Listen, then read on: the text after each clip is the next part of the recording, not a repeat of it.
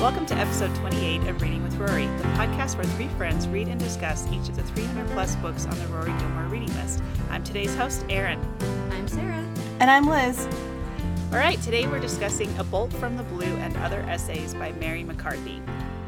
Continuing an unfortunately growing trend, we have no idea where on Gilmore Girls this book was referenced, but we will again take Patrick Lenton's word for it. And At some it's point, like, it's like a curse from the, the the bees. Hopefully, after we get out of the bees, it'll be better.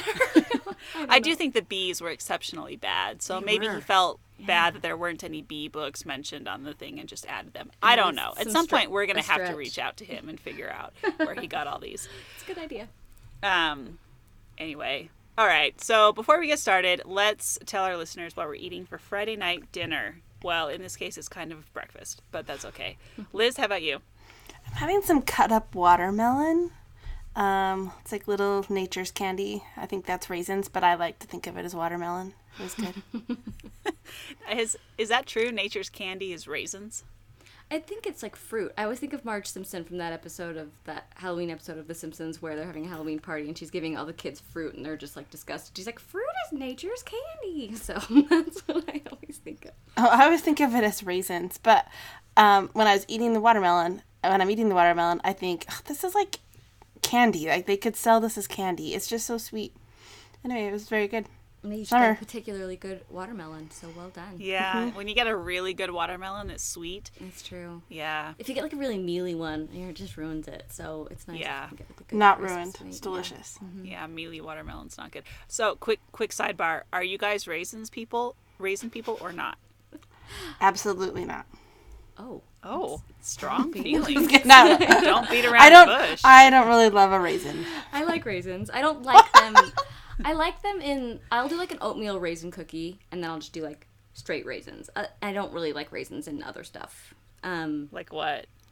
I don't know. I know. like raisins in curry. Actually, I'll take a raisin Yeah, in I a was curry thinking, like, or rice like a like a Like like pudding, or maybe even like a like a like a scone, maybe, or like a I don't know. Oh, what about Um, what about like a craisin in a scone? yeah, I can do that. Interesting. It's fascinating stuff. Well, I just I love raisins, and I think part of that is because I grew up like my also dad. strong feelings. Who knew? It just runs the. Well, raisins are a very polarizing food. It's like coconut. It's very polarizing. Interesting. You're either on one end of the it that way. spectrum or you're not. It's rare to find people who are in the middle. But uh, my dad loves oatmeal raisin cookies and raisins, so we grew up on that kind of stuff. So chocolate chip cookies are actually often like too sweet for me because we just didn't make them as when I was growing up. We made oatmeal raisin cookies instead, and so um, so I'm a, I'm a I mean I like chocolate chip cookies too. Don't get me wrong, but I am a big raisin fan. You're not like really disappointed when you eat a cookie and all of a sudden you think it's a raisin. You know, you realize it's a raisin cookie and not Instead of chocolate, chocolate chip, chip, yeah. because that's Well- the sadness I felt.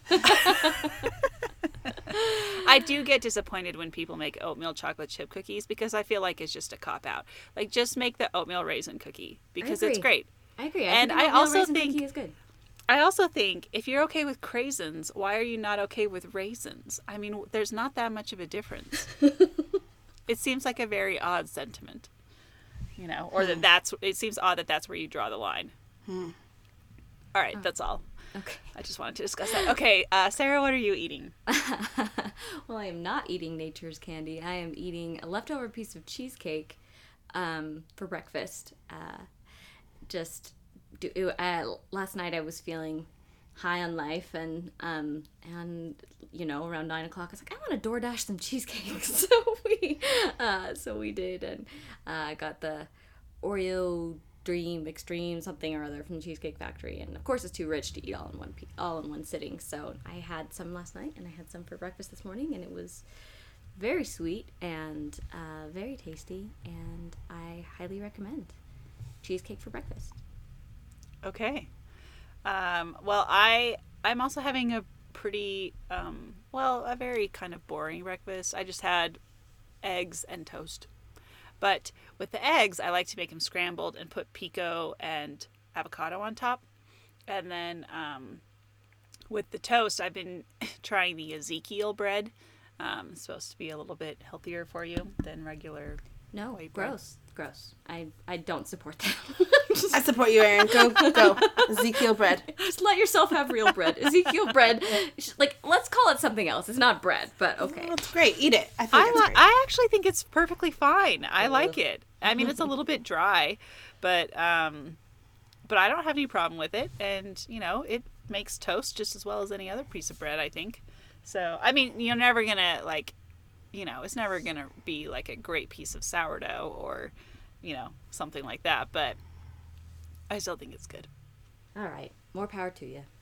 And then I don't feel so gross after I eat it. Like I don't get me wrong, I love bread. I could eat bread all the time. You and Oprah. But sometimes if you eat too much bread, like it Oh, just no doesn't. I laughed at my Weight Watchers joke. I laughed. made me- So I laughed. It was like a chuckle to myself. There was a visible chuckle. Thank you. I, Continue. I didn't get the joke. you haven't seen that Weight Watchers commercial with Oprah just going off about how much she loves bread? I know. I don't think so. Oh, yeah. it's, a, it's a good one. There's lots of there's lots of gifs and or gifs of of that, and I appreciate them. Oh, all right. Well, we that's don't need to great. interrupt for jokes. So you like bread? sorry, We- I'm sorry, I'm sorry. I can't help myself. We'll put a link to it on the web, on the website. okay. Well, uh, that's great. So let's get into the book now. Um, so, in spite of our of last week's episode on bitch, I'm going to say that this is our first collection of essays because I don't really count last week's episode as a book of No, essays. I think No, just that wasn't like an anthology. That was like her, like stream of consciousness. Yeah, anyway, stream of moving conscious Yeah. journal writing. So we're not going to count that. So I'm going to say that this is our first collection of essays, which means that this episode is going to be a little bit different from the episodes we've done in the past. But before we dive in too far, I want to set some context. So here, dis- here is a description from Goodreads, and this is kind of a description on Mary McCarthy, a little bit more than on the book itself. All right, so it says Mary McCarthy was one of the leading literary figures of her time. In addition to the novels and memoirs for which she is best remembered, she was also a tireless literary and social critic. Starting out as a theater reviewer for Partisan Review in 1937, she quickly distinguished herself for her witty and fearless commentary on topics ranging from McCarthyism to the French New Novel to women's fashion magazines. McCarthy was an eager controversialist, unsparing in her dissection of anything she found phony or hypocritical.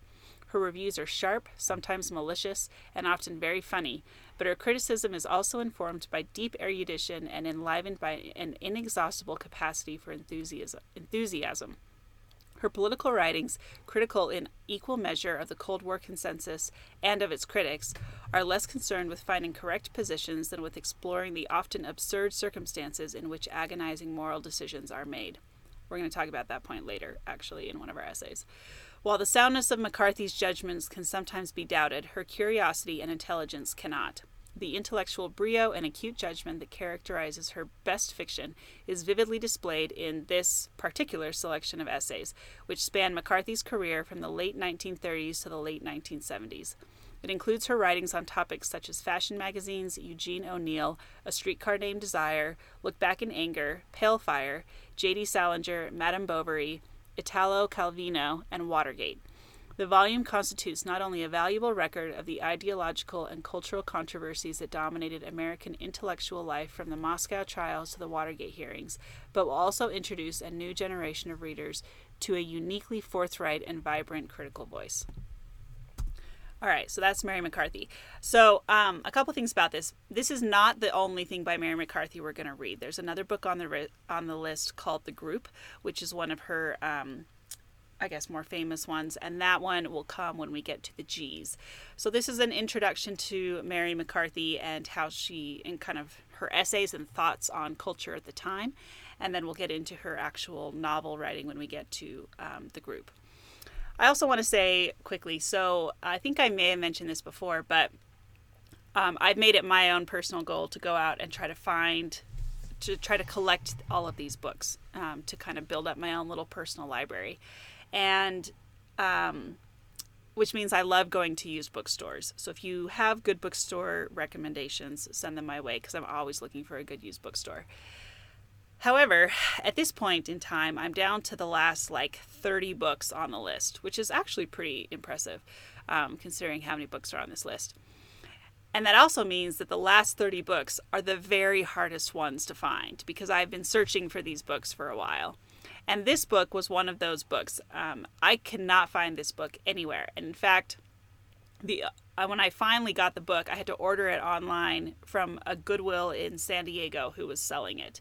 But the books are also quite expensive. Like if you want to buy this book on Amazon, it's like forty dollars or something like that, which seems pretty expensive for um, a book of its size. And uh, and the prices go up from there. I saw some that were going for like hundred dollars on Amazon. And even this one that I bought from the Goodwill was still like twenty dollars, which a book from Goodwill is normally like a dollar, maybe three, if it's in really good shape. It's probably out of print, right? What? I imagine it's out of print. so It must be, yeah, because there's like, uh, and I didn't spend a lot of time looking into that, but uh, there just aren't very many copies of this to go around. So anyway, it's kind of fun to to have it in hard copy.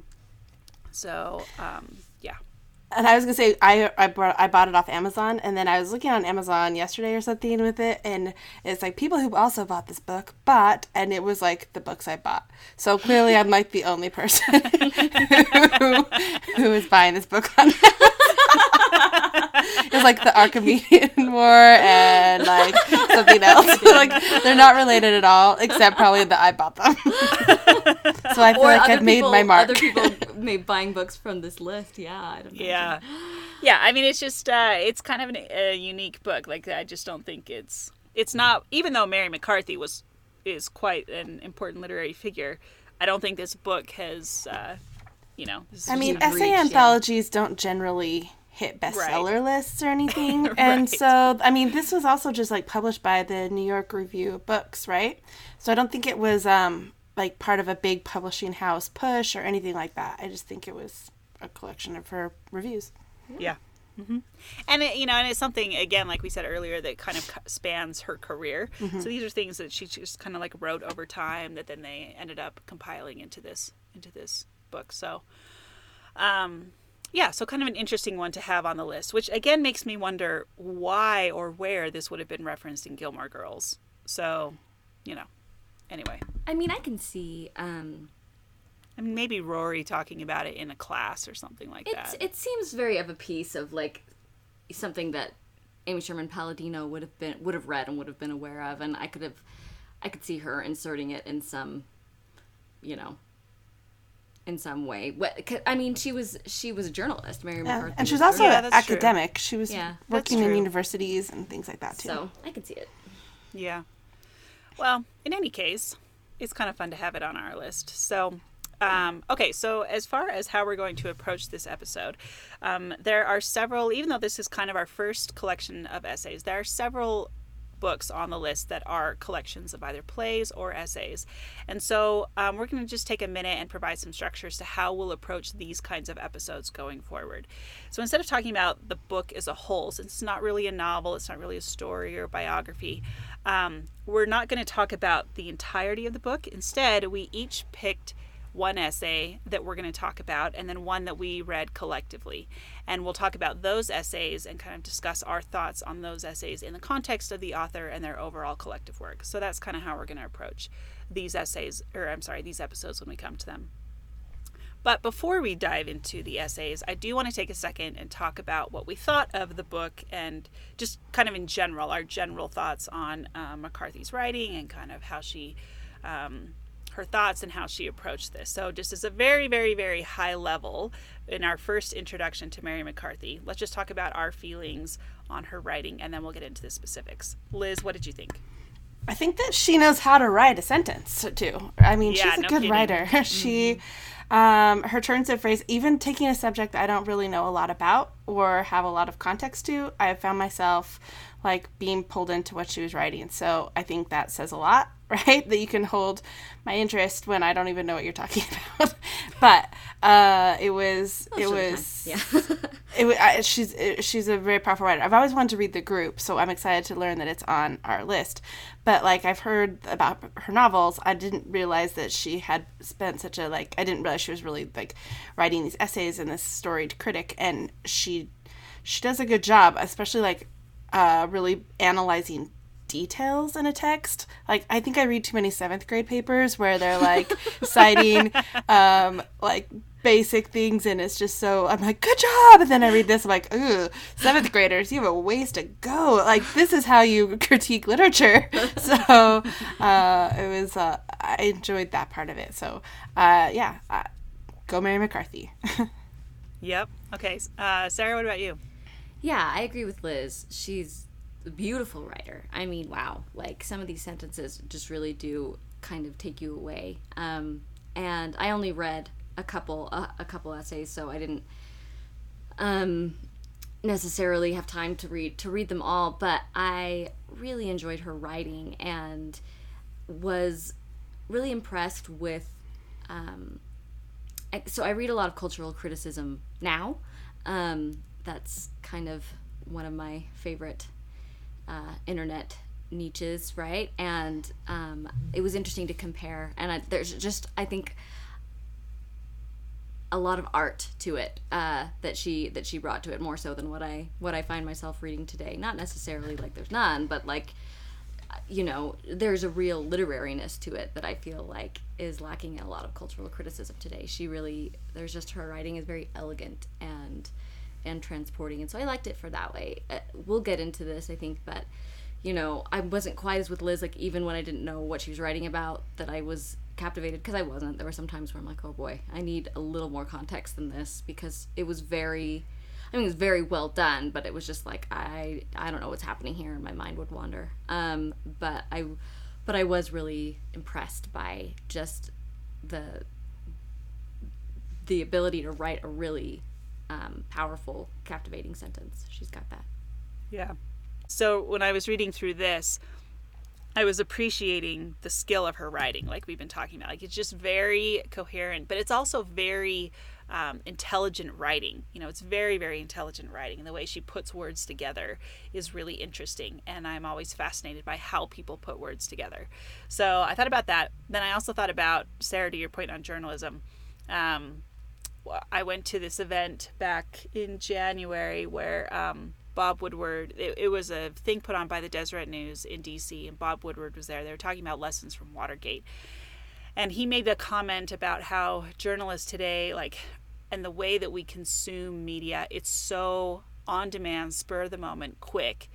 And he said journalists need to take time to stop and slow down and to think about what they're writing and to think about what they're saying because there's just so much going out there and it's just this get it out as fast as you can, as fast as you can, as fast as you can. And the quality of the arguments, the quality of the writing has gone way down as a result.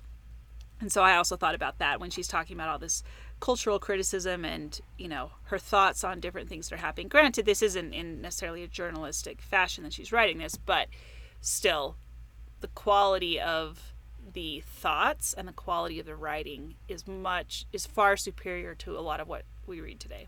So that was what I thought. Yeah, I agree. Do we have like ratings? I didn't give it a rating. I would probably give what I read like a good like four stars for the writing and like maybe three ish stars for some like we're gonna hopefully talk about a bolt from the blue. I struggled with it maintaining my interest, but um, I thought the writing was beautiful. So I'm gonna give her. I'm gonna overall give it a four because the writing's just so outstanding. Okay. I'll, I'll give her a four. Yeah, I Yeah, a think I would too. All yeah, right, I'll give it a four. go team. Yeah. I like it. Um, okay, well, let's talk about the essays themselves now. So, um, we're going to start out with the one that we all read together, A Bolt from the Blue, like Sarah just mentioned. And then we're going to take turns and give a short summary of the essay that we read and then discuss kind of our thoughts on, on that essay. So, um, like Sarah said, I think we're all in agreement that reading the, you know, titular essay, A Bolt from the Blue, was not a great experience. Um, I mean, it was well written, but it's about so it's basically about Pale Fire, which is a novel by um, Vladimir. Uh, yeah, on. Vladimir Nabokov. Yep, Vladimir Nabokov. And having not having read Pale Fire, I pretty much had no idea what she was talking about. Did it make you want to read Pale Fire? I mean, It kinda did, of. actually. Yeah, Yeah. definitely. But I had to, I had to go to the Wikipedia to be like, okay, what is she talking about? And even then, I was like, no. I can't, Well, see, I, just love it. She can't. didn't. I mean, this is what I think is interesting. She didn't dumb it down. Like, No, here's she- No. what, here's what you need to know. Here's the nuts and bolts. Like, she just dives in. Like, you know what this book is. like, okay. And I do love when and any she didn't even give the title of the book in it. Yeah, exactly. Well, she did at the very beginning. the at very, very, very first beginning. sentence, yeah. Yeah. But like, I do love when any artist in any medium doesn't treat their audience like idiots, right? Yeah. I appreciate Yeah. that, but I do think having some degree of context would have made this a better reading. Sure, sure. I mean, context always helps. I think Yes. that's always true. Yeah. I think Yeah. it would have made it more like engaging, I guess is the word. Not like better, but just more engaging because I wasn't really engaged. I feel like, oh, this is what some of my like seventh graders must feel when they are reading a book that's hard for them because they don't know what's happening. They don't have the background knowledge, they don't mm-hmm. have the cultural knowledge to make this like, make sense, and they're just reading words. But I That's kind of what it felt like. yeah, exactly, and parts of it Oh, make to sense. make me feel like a seventh grader, just what I want. Well, no, I think we can all feel like, I think everyone can relate to this, right? Where you're reading Yeah. something where you just don't have um, the the background knowledge for it, and it just makes it a harder, I think, slower reading experience for people overall, right? And I do think Yeah. I don't I don't know if this is just my own neuroses or if it's a if it's a consequence of modern life. I did not have the attention span for some of this, right? Where I'm just like, okay, I'm reading along. I'm like, oh, this is beautiful, and then my mind would wander to, you know, something else, and then I'd have to bring myself back, and then I'd go, nope, no idea, no idea. What's happening here. you didn't get pulled in with the symbolism of the colors because I did. I thought that was cool. She's like, I mean, and it was- it was the beautiful. details that she pulled out were just really interesting it made me want to read it. But I also didn't understand half of it probably, so it's cool. I, Well, I think that I think part of it too is that Pale Fire. Like once I took the time, once I took a second to go figure out what Pale Fire was all about, I was like, oh, it probably would have been helpful if I knew this before I started reading her essay because the Pale Fire, the book, is in It itself pretty really intense. complicated Yeah, and uh-huh. like all over the place it seems. And so when she just like dives right in and starts critiquing it, I'm like, wait. What? Who are these people? Why do they have five yeah, maybe we're so used to like again all the stuff that we read now. It does kind of give you like a little introductory, some sense of context, some sense of, you know, the, but like she starts talking about not even Nabokov, but like the character in the book that's the poet, that's the thing, and you're just like, wait, what? Uh, what? like, Yeah, who's there were a the couple author? moments where I was like, "Who's the author?" I Yeah. don't, did we switch to a different book and I didn't? And I missed Well, and then at the very end of the essay, she's like, "This is a prose and poetry book. It's half and half." I'm like, "Well, tell me that at the beginning. I did not know that. That would have made this a lot easier to read. I get it now." yeah, it was, uh, and I kept going back and wait, who's crazy? Wait, why are there? Why? What is this a uh, poem or is this a book? And I'm like, and, I'd go through what's like, oh yeah, other Zembla, kingdom? fake country. Okay, Yeah, all right, we're back, we're back. Okay, Okay, and there's yeah. a king somewhere and someone died. an, an exiled king. Yeah. yeah, someone died, but maybe not. But I don't understand. Yeah, Right? Enough enough like little details. There's like this book sounds interesting. Um, but then something shiny would distract me and I'd come back like, what am I reading again? What about the sentence? Even if you didn't understand the context, because I don't, but that's okay. She said something about like shooting a pistol is likened chick likens shooting a pistol to how it feels when like a blackhead is popped. Was that Yeah, or yeah, like a bowel movement? The bowel movement she was talking about. Yeah, it. yeah, uh, in the I was like, of a bowel movement. And wow. Like I mean, I've never shot a and, like, pistol, so I don't know what it's likened to, but that makes it pretty clear. yeah. It was just was powerful imagery, imagery, right there. Yeah, that's one thing I noticed reading through her writing. She's not one to mince words. Like she, and Oh, she yeah. can be kind of irreverent about things too. Yeah, and, I've got like, I've got a good example from my essay. She's yeah, I mean, like we said, she's got away with words for sure. yeah. Um, okay, well, that's great. I think we've talked about a bolt from the, but blues we didn't enough, understand So let's the let's essay that move none of us understood. but I do think it's interesting how she titles the essays. All throughout the book, you didn't know what you were getting into if you just looked at the table of contents, and I, maybe some of them on like A the little Watergate. Some of them, you know. but yeah. some of them that I was re- looking at, like uh, like this one, I was like, I wouldn't know that this is about Pale Fire until I started reading it. Or the one that I read, I didn't know what it's about until I started reading it. And so, Even well, like we'll that. get to it, but yeah, like she, like you said, she kind of gives the the necessary information at the end. Like the essay I read about Watergate, like it gave the date it was published at the very end. I'm like, this would have been helpful to know, like from a, from from a his- you know. That's the going back- anthology's fault. That's not her fault. I know, I know, I'm not. A.O. Scott. He's the one who assembled it. I do by the really way. like A.O. Scott. Speaking of good cultural critics. Okay, sorry, we're done. Um, cool. All right. So that's a bolt from the blue. You can let us know what you thought about that essay when you uh, read this, and if you had a different experience than we did. But let's dive into other essays. So, Liz, we're going to start with you. Why don't you give us a brief synopsis of um, the essay that you read, and then we will discuss. Okay, so I read one called On Rereading a Favorite Book, which, if you may recall, was one of like my uh, things to be inspired to do on a previous episode, because I assume you've all read or listened to every episode. Um, one of my things to inspire was to go back and reread books that I loved when I was younger, right? And so she she starts out it's called on rereading a Fair book and then it says reopening anna karenina after more than 30 years. And so now i know this is going to be a critique on anna karenina which is cool because we've read that and talked about that. Um, what i think was interesting was the 30 years difference and as i get older and older my rereading dates spread out more and more. Um, and so i do think it's like an interesting study to go back after some distance of time and reread something and to experience it for a different time. So not only is this uh, dissection on Anna Karenina, which it is, but it also is about what it's like to reread something and pull out different things and what how she normally rereads something and what it was like for Anna Karenina for her. And so I related on that level very strongly. It was fun to do that. Um, what she said about Anna Karenina was that she virtually remembered everything. She said she knew it by heart, and when she read it again, she still had all those details firmly in her brain after 30 years. This one that she didn't remember, which I think is interesting, she said um, the only thing that she had forgotten was that Levin's older brother um, the consumptive was a communist. That's the only thing she didn't remember about the book. She said, which is interesting in light of knowing learning more about Mary McCarthy. Is that she yeah, she has a lot of opinions on communists. yeah, exactly. So that part didn't stick with her, but other stuff did. I mean, she talks about every little detail in in that's her thing with it. She talks about the details of Vronsky's smile, of how um, their clothes had stitches in them, and she said she remembered those, which I want to call BS on because no way. I remember big ideas and not those small details.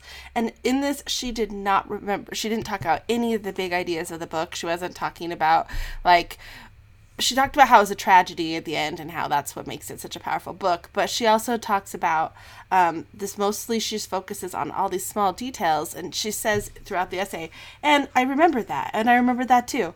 And then she said, it wasn't quite how I remembered it when I go back, but I remembered these details. And so it's interesting to me as I read it that she could remember those details and that's what she wanted to focus this essay on were those small words and those smart small details of the book because I don't know. personally i don't remember that stuff that's not always See, what i remember See, that is what I remember, which is interesting. I think it's just a maybe a commentary on how different people read. I mean, I I do remember. I think you you know, kind I guess I kind of take for granted that everyone remembers the big ideas, right? But it's um that it's a function of like I don't know. I was just for was thinking of like the first time I read um it was one of the Anne of Green Gables books and it it like just some of the like expressions like very like, very specific small parts that don't have anything to do with like the larger not that Anne of Green Gables is a book of ideas. I mean, I guess to some degree it It is, is, but to some degree it is, but just like you know, she had such a way with descriptive language and some of the way she describes stuff, right? About when Ruby died, spoiler alert, or when um you know, and just small small little details that make a really like deep deep deep impression. And i think those do those those can stay with you. They do with me anyway. I mean i guess that's true. I remember the dress in atonement right? That stuck with me. I mean there's things that do yeah the green dress? There there are things that stick with you. That's true. Maybe it's those images right? And so that was her point. I think it could also be that like sometimes when you go back to something, it's the the sense of familiarity kind of rushes back and you're like, oh yeah, I remember this. So maybe it's not that like if you had talked to her right before she read the book and said, what do you remember about Anna Karenina? She may not have gone through the details of you know, oh, his mustache and it mm-hmm. twirls and, you know, mm-hmm. whatever. She may not have gone with that detail, but once she started reading it, that would be the thing that felt familiar and that would be the thing that she remembered as she read. Like, I think there's some element of that to it too, right? Like, Yeah. just, you know, remembering cold versus regaining familiarity. And I also think it's a tribute to Tolstoy, is what she's also trying to pay tribute to, is that here's an author who includes these details, not out of like superfluousness, right? But just they add something to it, they make it memorable, they're powerful. And she talks about how, for her, when she read it, I mean, for me, when I've books um, multiple times over years, like when I reread Gone with the Wind, um, the characters all change. Like I like different characters at different points when I read it, and I think that's normal as you grow up and mature. And she was saying how um, when she reread Anna Karenina, she still had the same opinions about the characters. She uses the word corrigible and incorrigible to talk about if they've changed or not changed, which I thought was an interesting descriptive term. But um, for her, the characters didn't change. She st- still thought of them the same way after 30 years, which is also an interesting um, dissection of his characters, right? Like that they don't, upon maturity or upon 30 years distance, don't take on a different role or meaning for for someone. I mean, I think we even talked about how they changed. Like, but the first time I read it, I was more focused on Anna and um, Anna, and the second time I was more about Levin and Kitty, but more about anyway. I do think you reread something and remember things differently, but she puts it, this essay into terms of like how how uh, clear this book is and how um, memorable this book is and how well Tolstoy writes it to make it this way for us, right? Um, she said it is the only novel in history to achieve the stature of temple like Greek logic. So there it is. Interesting. There it is. All right. Well, I think that's great. That's a great one to pick, Liz. Perfect is a great one, especially podcast. you know pertinent to our what we're about on here since we're Yes. reading, rereading Well, a lot of old. And I've had that as like my thing to like want to remember books better, A, because I forget stuff, and B, want to reread books so I don't feel guilty about that. But I mean, her views on it were just very interesting and I like to read it. Good work. Good work, Good Mary job. McCarthy. Yeah. Um, okay, so Sarah, let's go you next. Sure. So I read, she did a series of essays talking about the Watergate hearings um, and uh, kind of contemporary with them. It wasn't after the fact, which is which is interesting. And I thought it was interesting. I mean, I find this subject very interesting apart from, you know, when we read All the President's Men for the podcast, but I was a political science major and I work in government, and I think um, the whole story of Watergate is obviously very relevant to the political moment we're living through now, I think. Anyway, so I read the essay she wrote, uh, The Moral Certainties of John D. Ehrlichman, and it was commenting on Ehrlichman's testimony during the Watergate Senate hearings. And it was beautifully written. I mean, I, I wish that the anthology provided more uh, context for where it was published um, because I'm kind of having a hard time. like, is is this like an opinion piece in a newspaper? Is it in a magazine? Like, it must have been in some kind of magazine, but it doesn't say. And I and I I wish that kind of would have helped me understand how it was received in its day. Like, who was its intended audience? You know what I mean? Because it's not really. Um, again, it just kind of dives dives straight in and it doesn't give the reader any kind of context as to who Ehrlichman is in the administration. It just assumes you know who all the characters are. It assumes you're up to date on on everyone's testimony thus far on all the events. So it's not necessarily like a work of reporting. It's it's commentary uh, because she is a commentator. But uh, I it was it was just I read so much commentary. Again, I was just struck with how beautifully written it was. I wanted to read this passage where she's talking about Ehrlichman. And um, forgive me, I don't even, I was going to look it up so I could have that information on hand. I don't remember what position Ehrlichman had. He was either chief of staff or that was either Haldeman or Ehrlichman, but he was some very higher up in the in the Nixon administration.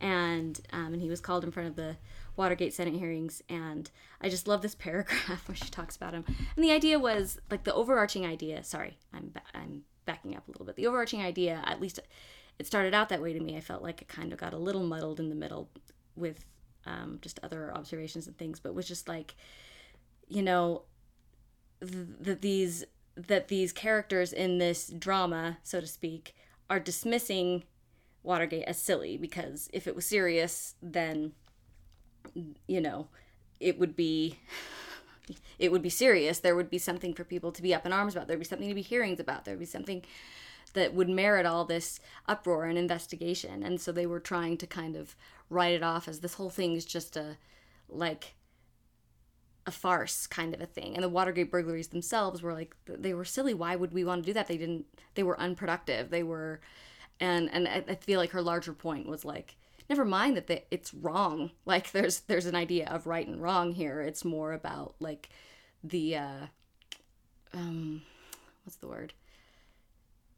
The utility of it all and not the not the moral what what what the moral implications are. But which i think is the larger theme of the essay which i did like but i feel like she never really stated her thesis and i'm maybe would have appreciated if she had but she's making me work for it which i appreciate. But uh, this one uh, paragraph ta- describing Ehrlichman. She says, Perhaps he cannot help his face, but he looks like somebody of a deeply criminal nature out of a medieval fresco, the upward sneering curl of the left hand side of the mouth matched on the bias by the upward lift of the right eyebrow, above which there is a barely discernible scar, the aggressive tilted nose that cameramen say has been growing all week. So that's such a good sentence. Don't you love? I know. but I want to read his face now. I know.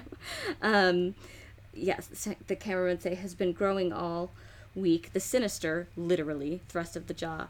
Everything about his features and body movements is canted, tilted, slanting, sloping, askew.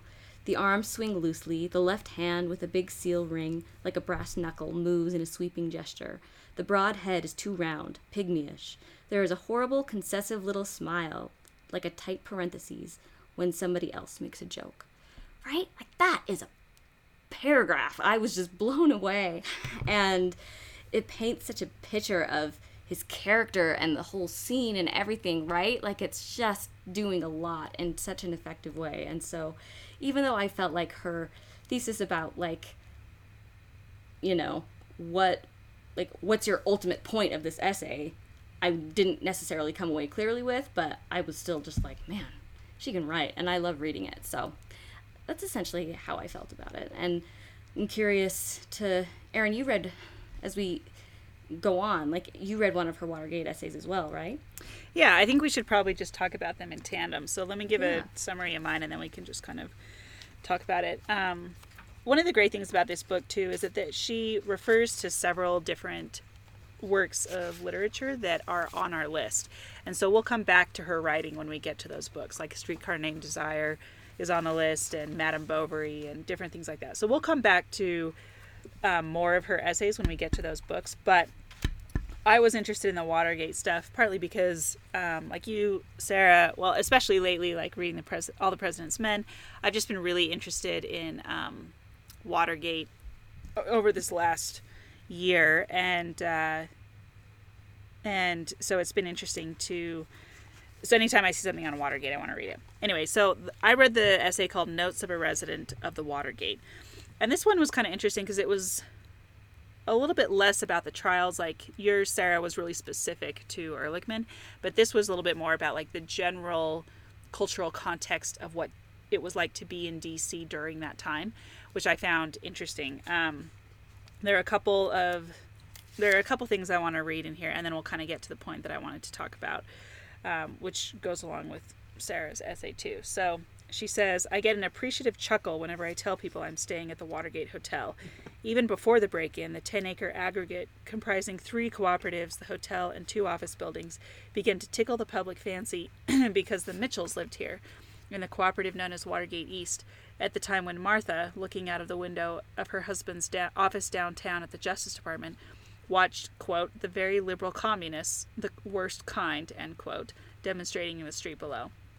So um, I just love that. And having spent time in DC around the Watergate Hotel, it's just kind of fun to think about, like, you know, there she is. And before this, she talks about how.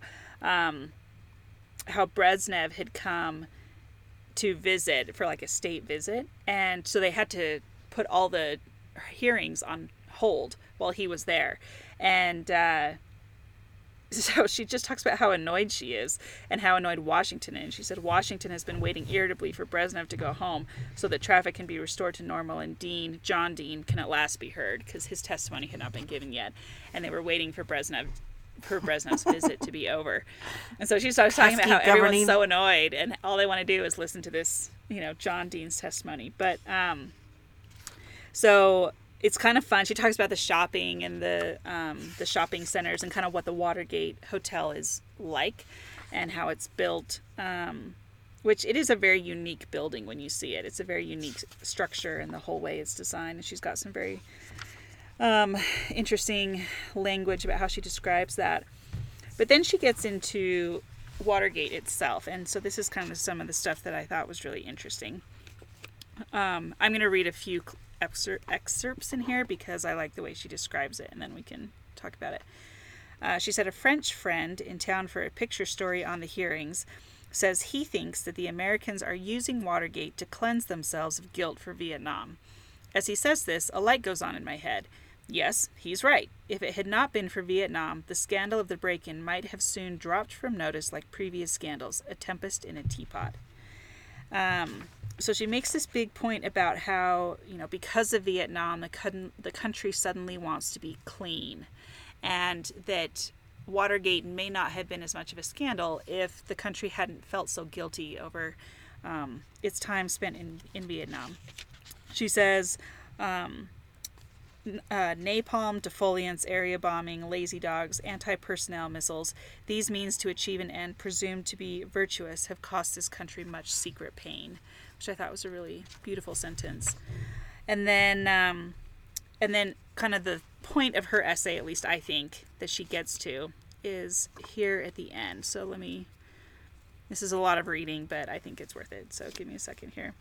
Um, Okay, she said, behind all the facile moralizing, I think there is some notion of a genuine need for atonement and purification. Obviously, identification of the guilty in Watergate and associated crimes will not make up for Vietnam or wash it away, but I do not blame anybody for the wish and even think it is a good thing. You cannot undo Vietnam, but that is true of most offenses, certainly all those involving murder where no restitution is possible. You can't bring back the dead, and with many other wrongs, when contrition arrives, it is generally too late.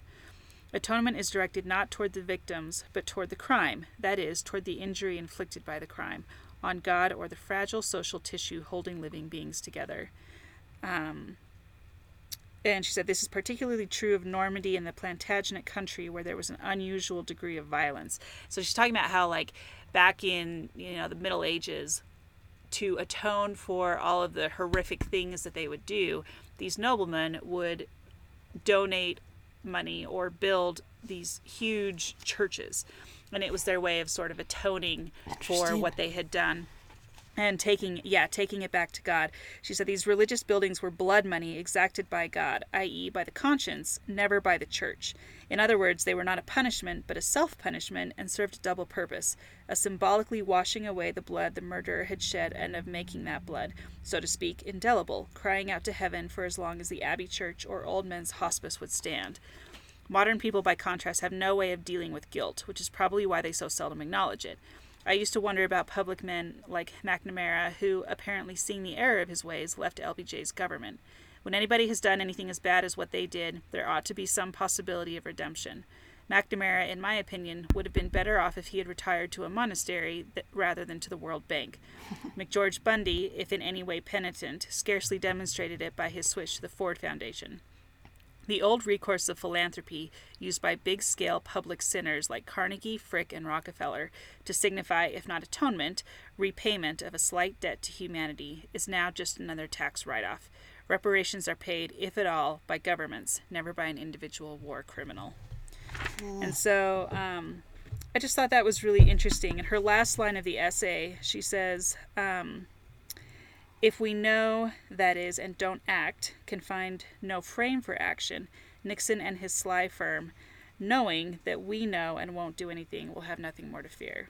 So, anyway, it's just kind of an interesting. I thought that was a really interesting idea that, you know, using Watergate as a way to atone for Vietnam, and it makes me Yeah. wonder, Historical the con- perspective of it. yeah, right. The perspective's really interesting, and in the context of society today, when there are so many things like, you know, not to go on too far of a political tangent, but a lot of people have made points about how you look at what happens with politicians today, not necessarily just the president, but politicians in general, and how they get away with so much more than they used to. And are we just kind of desensitized to it now? Do we Nothing expect matters, it? that sort of thing. Yeah, like it doesn't really matter. It's just politics. She makes some point in there where, you know, a lot of people had said that they didn't really care about Watergate because it was just politics and it didn't really matter. And so, um, you know, maybe it took something like Vietnam for people to need to focus somewhere else, and Watergate ended up being that thing that they focused on. Yeah. Which I mean, an- it's an interesting thought. Yeah. I do think also it's interesting because she has written several essays on Vietnam too. Um, she has very strong thoughts about Vietnam. And so it's pretty clear where her position is as you read it, right? Like her guilt for it and everything else like that. Like, I wonder if that's also her. I mean, it might be not collectively what the nation felt, but it's definitely like a perspective of hers, right? Where she is saying, like, clearly she's feeling um, that people should feel guilty about it, right? Whether or not they actually. I mean, how do we know if they do or not? I don't know, know. what was interesting when she was when you were reading the part about McNamara, and I it made me think of the by the excuse me documentary uh, called The Fog of War, um, which is an Errol Morris film where he uh, interviewed Robert McNamara. Um, and I think it came out in 2003. I had to watch it um, as part of a national security class that I took in in school, and it makes an impact, right? It's this, it's it's McNamara looking back on his life, and again, I think trying to achieve some form of penance, right? Yeah. Like he's he's so it just shows it just goes to show her like mm, insight or foresight or Yeah. you know like I, I think that that these leaders that these great you know quote unquote great men so to speak do want some way to atone and and the idea of watergate as atonement is interesting but i also think like with our the, the benefit of hindsight that we have and looking to see down the road how some of those figures would attempt to atone for for I don't know that like ending their careers is how they would necessarily think that they should get atoned. Because honestly, don't you think that he the only reason like it got as far as it did in Watergate is because there were tapes, yeah oh yeah, Oh yeah. right? I mean, oh, there's yeah, for I mean, they're not going to be and the Ehrlichman essay talks about that yeah. So I mean, sh- clearly they have stuff to atone for, but like maybe they would just you know, I don't know. I feel pretty pessimistic about stuff, so I shouldn't like transfer my um, views on that. I just think that um, people have a way to bury what they feel guilty about pretty far down, right? Or rationalize al- it. She also says that like and wait until you're an old man and and and then and then lots come money back and do deal mea culpa. It's a little bit easier that way. Yeah. Yeah. Um, she also says that uh, she talks a lot about the people who were the strongest critics of Watergate, and she talks about how so many people in the country, you know, like like Watergate's a weird thing, right? Because Nixon didn't need Watergate to win; he would have won anyway. Mm-hmm. And so the fact that he, it was just his neurosis and his paranoia that led to the whole thing in the first place. That's the cover up, not the crime. Right. Well, Right, and again, that's what the not the crime. Ehrlichman the Ehrlichman essay was talking about, right? Like that's what they were all saying. Like this was so silly. Like all the Republicans, all the all the people on on Nixon's staff and everything we were saying like we this wasn't necessary. This is just ridiculous. Why would we do this? It wasn't necessary. Therefore, like it's not a big deal. Therefore, there's nothing wrong with it because you know it's it was so like nothing you know what i mean where it's, it's kind of like if you steal a loaf of bread versus the example she gives if you steal a loaf of bread versus if you steal a cadillac um sort of a deal right like the stakes are a bit higher and the point they were trying to make was you know it you know this wasn't productive. So the point that Ehrlichman, I guess, was trying to make was this wasn't important or productive. This was ridiculous. Therefore, it's not a big deal. Therefore, kind of, I'm. What are we all doing be? here? Mm-hmm. But I can see like when we when the thing that they should really be in trouble for is what they did on an international stage and not necessarily what they did Right. like yeah. right That's what I've always thought was like Watergate is so stupid, right? Like, I mean, yeah, and the idea of and then the, and then set against this backdrop of Vietnam, you think, oof, that kind of does kind of put things into perspective. But Yeah. um, Well, but but it, one- that, but then also comes back to the question of of right and wrong, right? And I think these these questions still exist today as far as like the moral certainty, like do we is that just gone? Is that just absent from our public discourse? Now now it's more about like winning and losing and and utilitarianism and not right and wrong. Well, Yeah, and go ahead and one of the things like she talks a lot about how um so she says one can say that Watergate is a good test to determine who is really a conservative and who just pretends to be because so many people in the country had voted for Nixon and she talks about how like they probably I mean they would have voted for him because they felt some connection to him, right? They felt that he could represent their interests in some way and that somehow they saw something in him that they wanted in their leader and so they voted for him and then to have this whole thing come out showing how he was like legit crazy and this whole watergate scandal and the cover up that followed that people just you know like it it ended up being that a lot of the conservatives were the ones who were really really out there pushing hard for for impeachment and really trying to fight to get to this whole idea of telling us the truth. And she said maybe that was a political decision that it would come off better if Nixon's own party was the one that went after him, which is again something that we're kind of seeing today, right? But um but she said it's interesting that the people who voted for him, the people were, that had been his strongest supporters, end up becoming some of the people who chase him down the hardest. And uh, and I just think that that's kind of an interesting. I mean, it wouldn't have happened if you hadn't had Senator Ervin and Judge Sirica in there anyway. But you know, and they, you know, who knows where they stood on certain things, especially particularly Judge Sirica. But um, but still, I think it's an interesting idea, right? Like, Yeah. If you had been living in that time and had voted for Nixon and then found out that he was just a crook in and had done so many underhanded things to get himself into power because he was so power hungry, I think there would be a level of questioning hmm. how you evaluate your leaders and what that says about you. And it would be there would be a lot of internalizing of that decision to vote for him.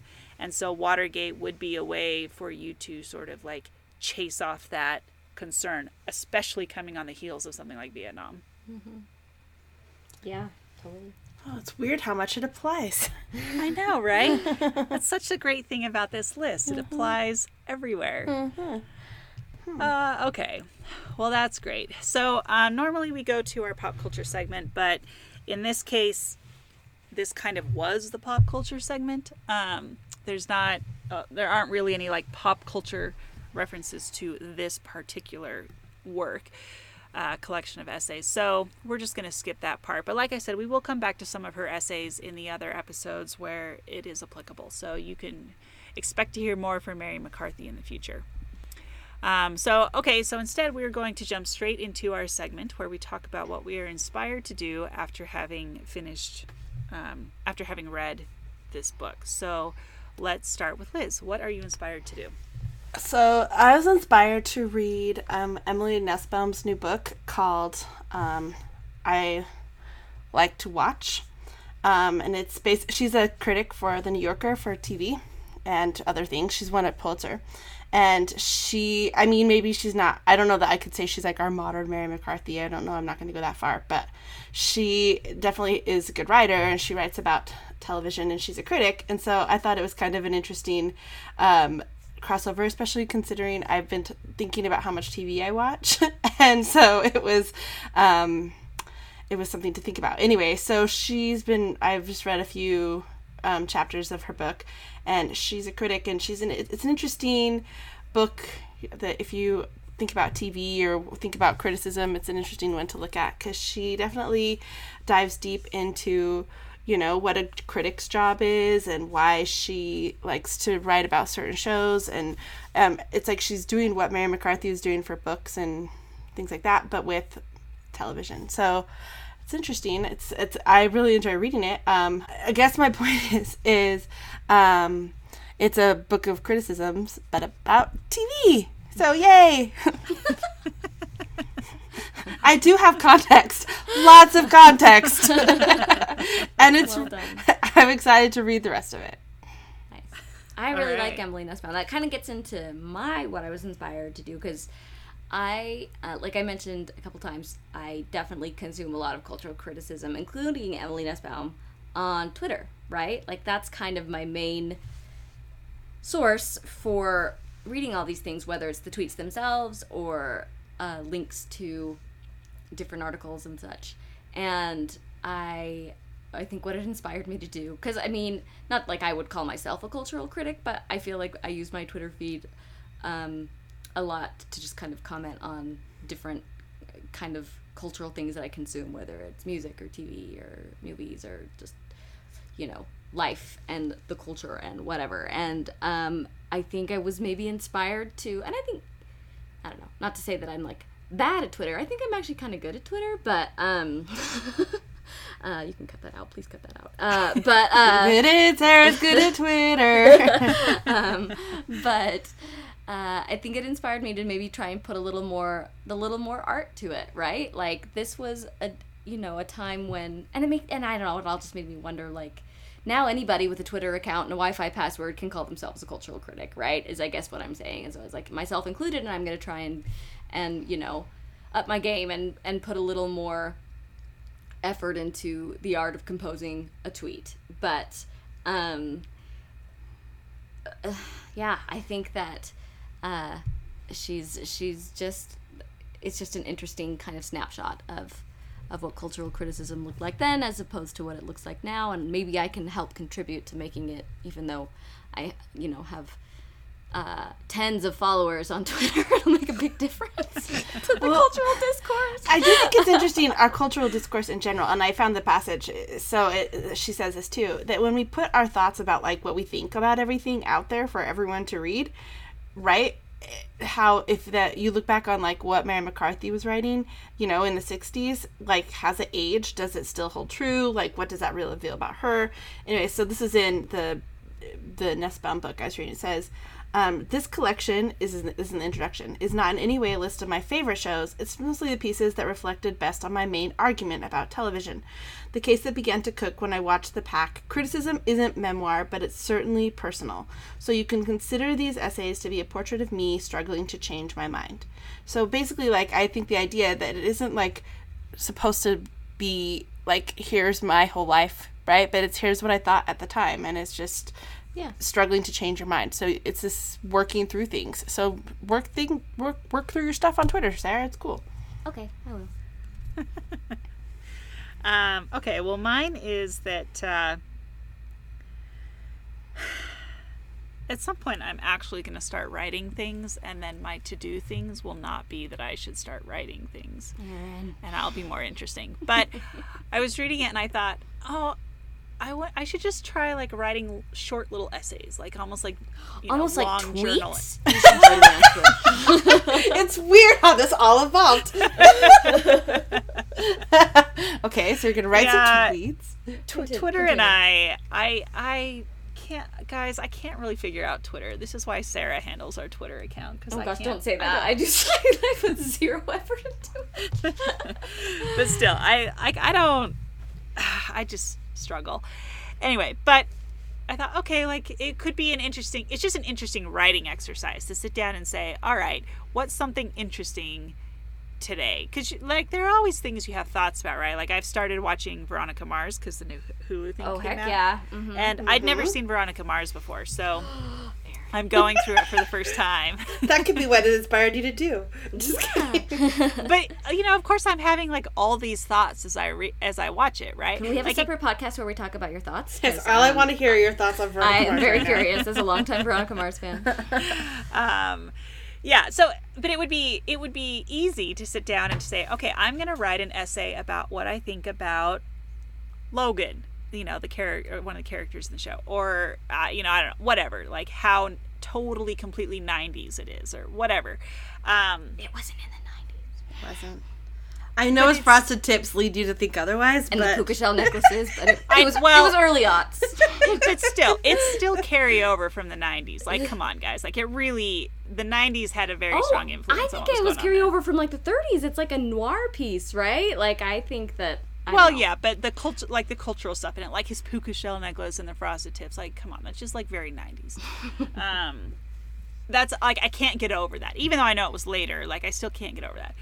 But um to, anyway we're getting way off so now you're, all your Yeah, picture is I'm, Logan's I'm frosted trying to get this. I'm trying to steer this to, to a conversation about Veronica Mars. So I'm succeeding, and you know, it's all going according to plan. Sorry, continue. and then I could read you what Emily Nussbaum says about it. we're no we're coming back to the point the point is it it would be an easy way to get into writing to sit down and to just write short little essays like maybe longer than a, a journal entry or even a journal entry but to like actually think about how you're writing a journal entry as opposed to like pure stream of conscience. And um and anyway so that's what i was inspired to do to try to write some little essays on just like random things that i think about. And i may do nothing with it but at least to like have the experience and the practice doing it that's all You should do that because then one day you can have a book. That's all. It's all about your anthologies of what you think about TV. It there's a market for it. Yeah, exactly. Um, okay, well, I love it. no more Veronica Mars. We'll talk about that later. Oh yes. Um, this is a podcast about Gilmore Girls, not Veronica Mars. But there's some tie over. there is there's some crossover, and as far as pop culture goes, don't we have some some pop culture? Oh, that's right. We have a pop culture. We have a pop culture miss. Sarah, tell us about it. Yes. Well, uh, one of our faithful listeners, Michelle, pointed out, and she actually pointed this out a long time ago, and we've been remiss To me, it's I'm bad. I'm sorry.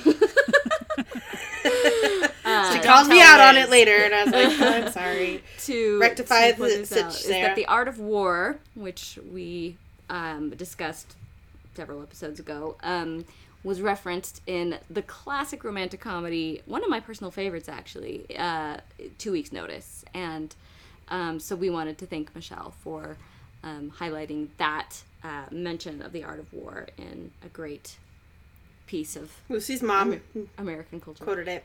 Yep, yep, that's right. Like as far as like keeping your friends close and your enemies closer. Yep. All right. Classic Sun Tzu. there you go. Um, I feel like I heard another Art of War reference just the other day. Actually, I was watching something and they were, they were like, "This isn't the Art of War."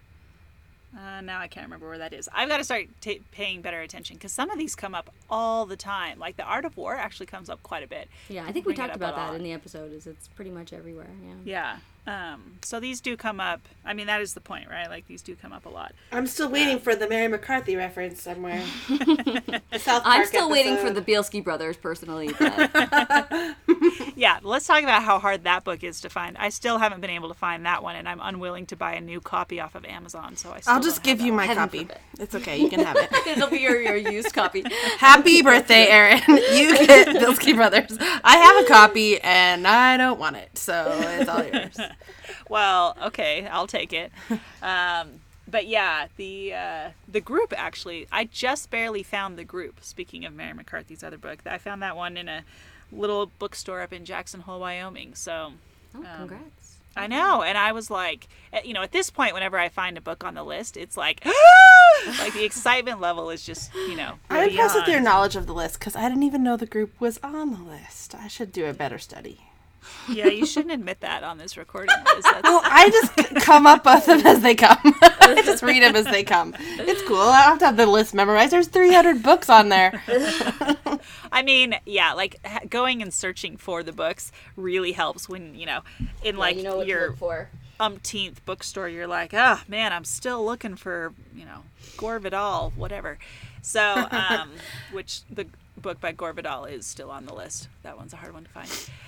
Uh, so you just get familiar with them that way. I guess. But I just find also out when I can't get them at the library. I'm like, shoot. Time's running out. Better go to Amazon. Not quite as motivated in, in the book collecting.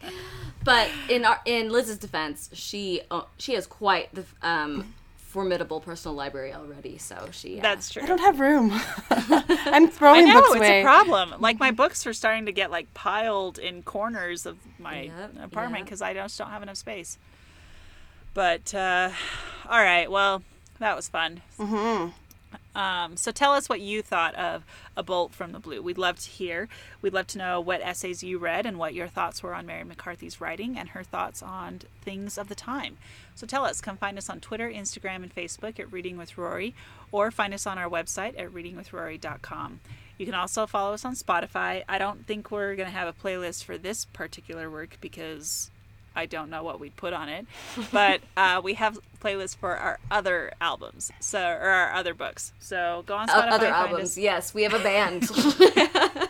The Reading with Rory band. It's great. we just Our body covers. of work is incredible. Yeah. Oh, we do covers. Get it? Oh, that's funny. oh boy. Oh boy. Oh, that's great. Okay, anyway, find us on Spotify. Um, also, as you know, you just heard, if you have pop culture references that we have missed, we're always happy to share them on later episodes. I think that's part of the fun of this doing this is that you start to see these books everywhere, and so it's fun. Um, it's impossible to keep track of all of them, so we look to you to help us find stuff that we miss. So tell us and or send us an email, and we'll say it on a future show. Next time on Reading with Rory, we're going to hit our next dystopian classic, Brave New World by Aldous Huxley.